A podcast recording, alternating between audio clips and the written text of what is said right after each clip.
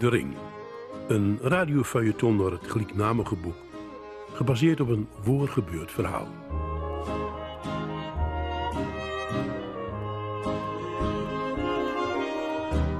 Je luistert naar een podcast van Drenthe Toen. Dit is De Ring, geschreven en voorgelezen door Jan Spolling. Hoofdstuk 10, waarin hoofdpersoon Johan Schulting niks voor elkaar krijgt in voormalig Joegoslavië. Op zoek naar het graf van zijn vader, de Duitse soldaat Wolfgang Steinhauser. Het was al laat toen ik voor hem was in Bihać. En ik wist niet goed hoe ik te verder met Ammers. De hele nacht spook mij de vragen door de kop.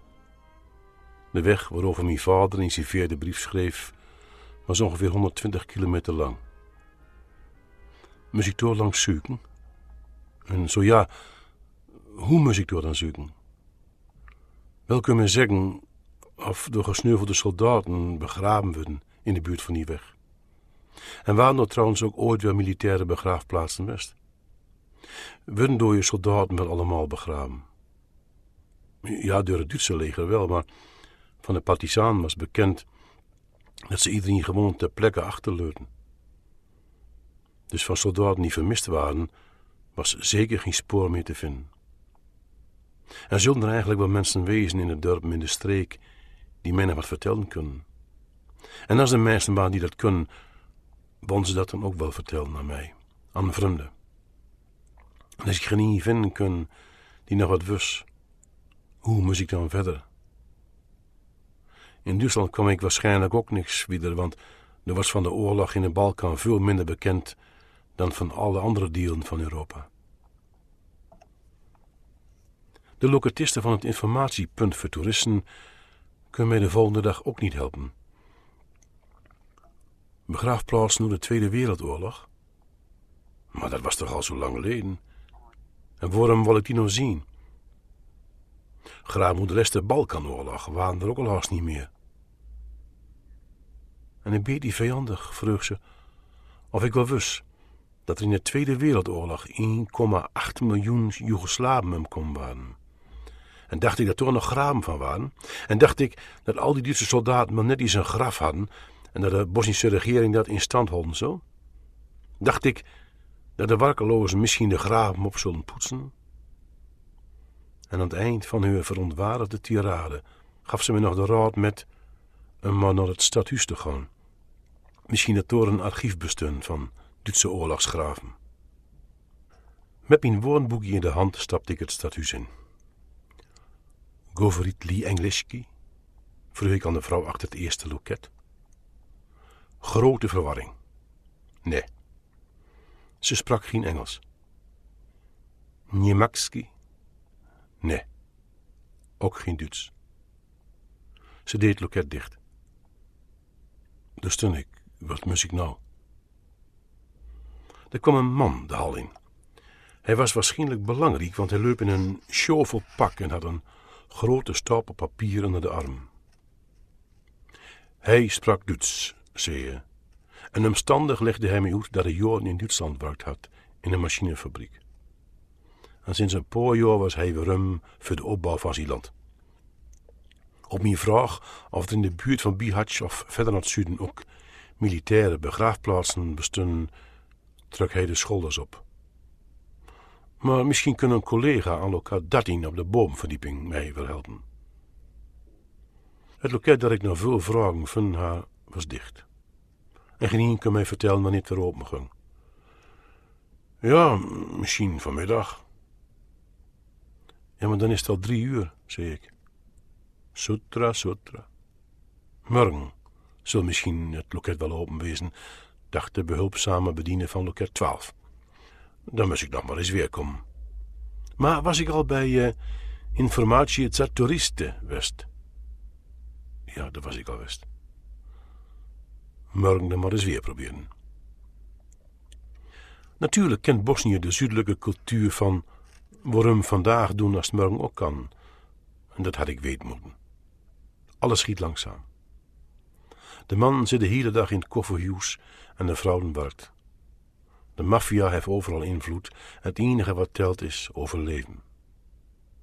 Controle op werk bestiet nauwelijks, dacht ik, toen ik mij de volgende middag weer meldde.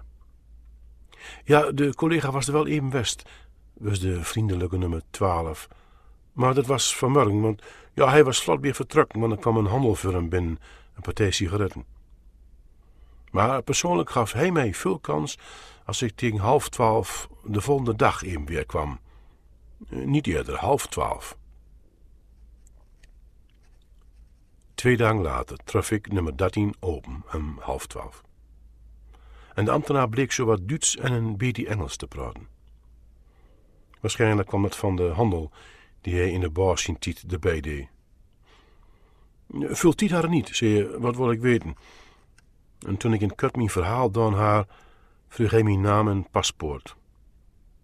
Toen keek een poos in, gaf weer en zei niet onvriendelijk dat er na de Tweede Wereldoorlog in de buurt van Bihać inderdaad militaire begraafplaatsen liggen hadden. En ook van Duitsers, dat wist hij zeker. In het archief moest er misschien nog een foto van wezen, als hij die maar vinden kon. Maar alle archieven waren door elkaar raakt in de laatste oorlog, dus daar begon hij maar niet aan. Trouwens, al die begraafplaatsen waren een paar jaar ook allemaal vlakscheum met shovels en bestonden dus niet meer. Jammer, maar hij kon me niet helpen. Misschien was de politie meer. Op het politiebureau keek de agent van dienst mij schief. Een toerist, dacht hij waarschijnlijk. En dat betekent drokte. En voor ik wat zeggen kon, klonk Putovnica. Mijn paspoort willen hebben en hij vroeg mijn naam. Ja, hoezo mijn naam, dacht ik. Dat stond er in mijn paspoort.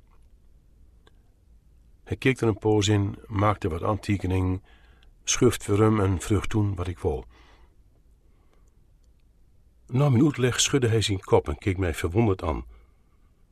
De Tweede Wereldoorlog? Dat was toch al eeuwen achter de rug. Wat voor idioot was ik dat ik me door in verdiepen wou.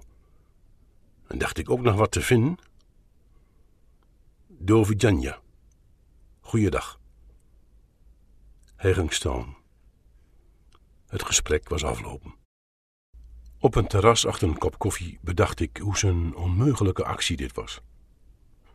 Wat was ik een naïeve sul. Hoe had ik ooit denken kunt dat ik in een paar week even de hele oorlogsgeschiedenis van bijna 60 jaar geleden aan de oppervlakte halen zou. Ik had nooit en dan ook nooit rekening gehouden met de enorme verandering die de laatste Balkanoorlog met zich metbracht had.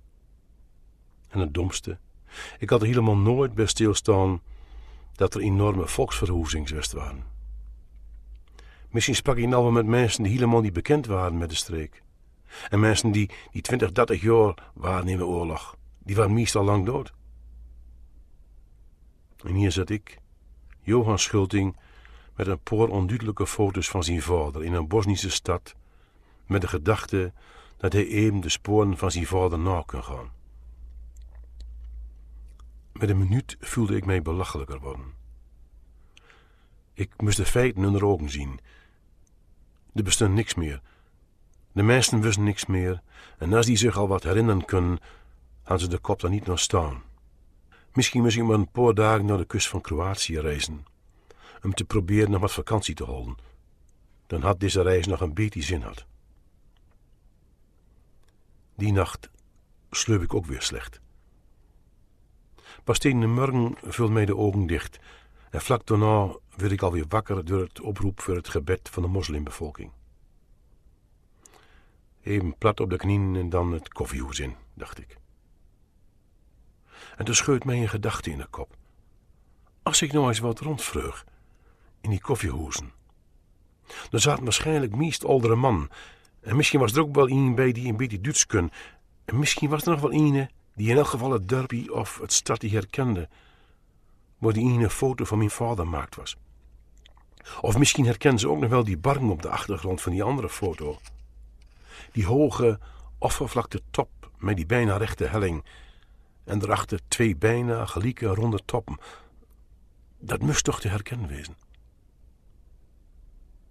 Om tien uur loop ik het eerste koffiehoes in. De ruimte met gebladderde blauwe muren en plastic meubilair zat al vol met mannen in de leeftijd van 40 tot 70. De vrouwen waren aan het werk, de man zaten in het koffiehoes, heur café. Zo was het al eeuwen west.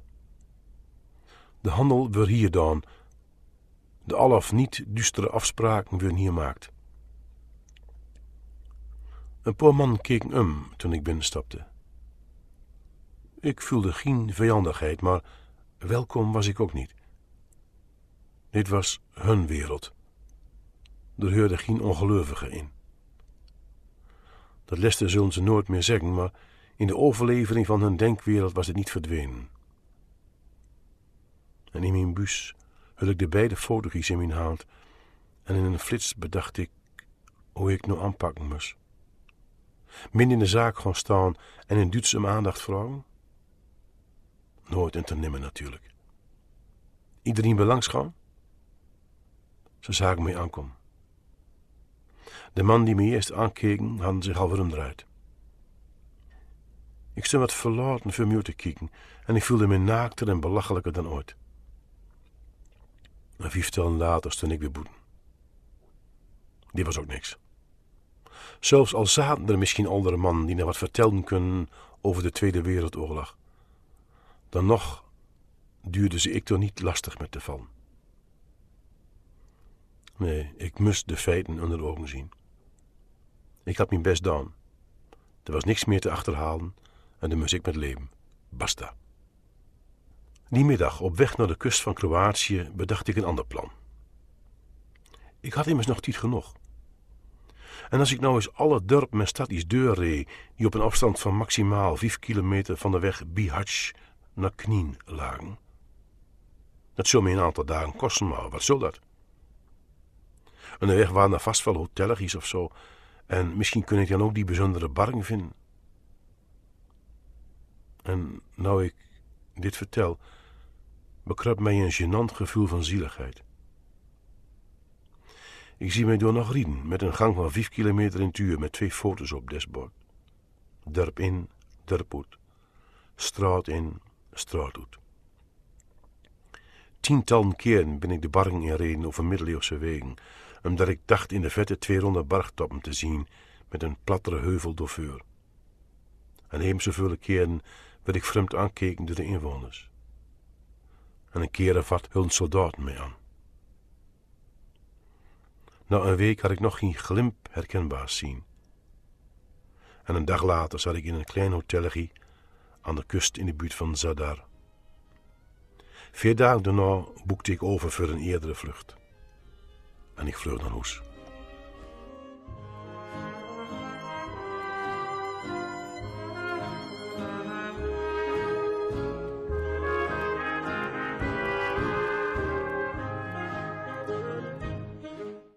Je luisterde naar een podcast van Drenthe Toen. Elke week komen er weer nieuwe bij en ze zijn te downloaden via je podcast-app. Of kijk even op onze website rtvdrenthe.nl. Daar vind je ook andere podcasts. En vond je het leuk of heb je tips? Laat dan een beoordeling achter. Dat vinden wij weer leuk. Dankjewel.